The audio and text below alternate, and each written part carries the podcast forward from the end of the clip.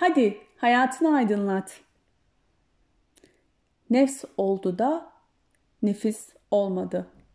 Yazan Tolga Babaoğlan Nefs bize yaratılıştan verildiğine göre ve biz insan olarak en güzel şekilde yaratıldığımıza göre çok güzel yaratıldı ama biz kullanamıyoruz.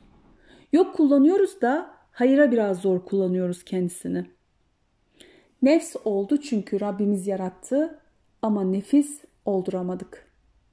Bizi devamlı bir yanlara çekiyor. Sanki bize diyor ki gel bu yana gel de korkma.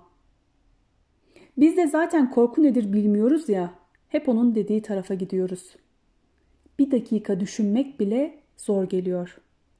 Çünkü o bizi öyle yerden vuruyor ki tam da vuracağı yerleri bilerek direkt o tarafımıza çalışıyor. Aynı bir boksörün hasmının zayıf yanını çalışıp da onu nakavt edene kadar uğraştığı gibi. Nakavt oluyoruz ama son nakavtımız çok daha kötü olacak.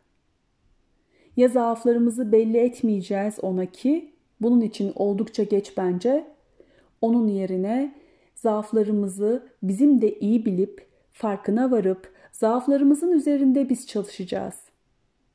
Onlar bizi nakavt etmeden biz onları nakavt edeceğiz. Güzel konuşuyorsun be dostum ama nasıl olacak ki veya bu kadar kolay mı ki bu iş diyenler var sanırım. Güzel konuşuyorsun diyenlere elhamdülillah diyeyim. Soru soranlara ise evet bu kadar kolay değil ama yapılmaz da değil. Bu kadar kolay değil çünkü bunun için öncelikle kendimizi tanımamız ve karar vermemiz gerekiyor. Yahu ben neyimi tanıyacağım? Ben benim işte diyen varsa tam da bundan bahsetmiştim biraz önce. Yani önce bir kendimizi tamamen kabullenmemiz ve karar vermemiz gerekiyor. Kişisel gelişimde hep bahsedilen insanın konfor alanı olarak bahsedilen ve o konfor alanının dışına çıkmaktan herkesin çekindiği söylenir ki bu durumda tam da odur. Yani kimse konfor alanından dışarı çık, e, dışarı adım atmak istemez. Kimse konforunu bozmak istemez. Orası rahat ve güvenlidir. Ama hayatın amacını düşündüğünde insanın konfor alanının içinde değil, dışında olması icap eder. Bunun için de kendisini tanıması ve duvarları kırması gerekir. O duvarları kırmanın ilk adımı da karar verebilmektir. Karar vermezse ne olur derseniz, affedersiniz ama aynı tas, aynı hamam devam eder gider. Burada belki sıkıntı yok ama Rabbimizin karşısına çıkınca cevap verecek hiçbir şeyi olmaz. Başını eğer ve o hep uyduğu ve uydusu olduklarıyla beraber gönderileceği yere gider. Doğrusu uydusu olduğu onu orada satar. Ne demek ya satmak?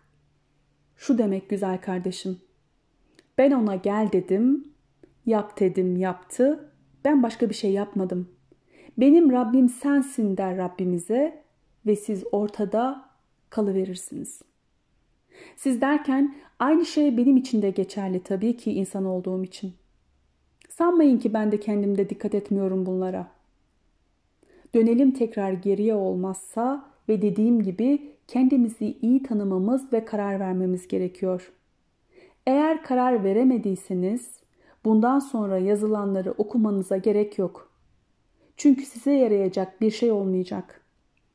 Eğer karar verdiyseniz öncelikle zaaflarımızı biz bir bir tespit etmemiz gerekiyor. Nedir benim zaaflarım? Nedir üstün taraflarım? Beni nereden vuruyor bu nefsim? Nefsimizin bizi vurduğu yerlerde bizim kazancımız nedir? Yani bize o ne kazandırıyor? Peki ne kaybettiriyor? Kazandığımız mı yoksa kaybettiklerimiz mi daha değerli? Nefsinizi niçin şu anda sorguluyorsunuz? Nefsinizden şikayetleriniz nelerdir? Nedir sizi rahatsız eden şey? O rahatsız eden şeyin yerinde ne olmalıydı? Öncelikle bunların tespitini yapalım. Utanmayalım, üşenmeyelim ve alalım bir kağıt kalem yazalım. Mücadele etmek zorundayız nefsimizle. Bu sorularla tek başına mücadele edemiyorsanız rehberimiz bize her zaman yol göstericidir. Kitabımızdan faydalanabiliriz. Elimden geldiği kadar ben de yardımcı olmak isterim. Yaşam koçu olarak. Allah'ın izniyle.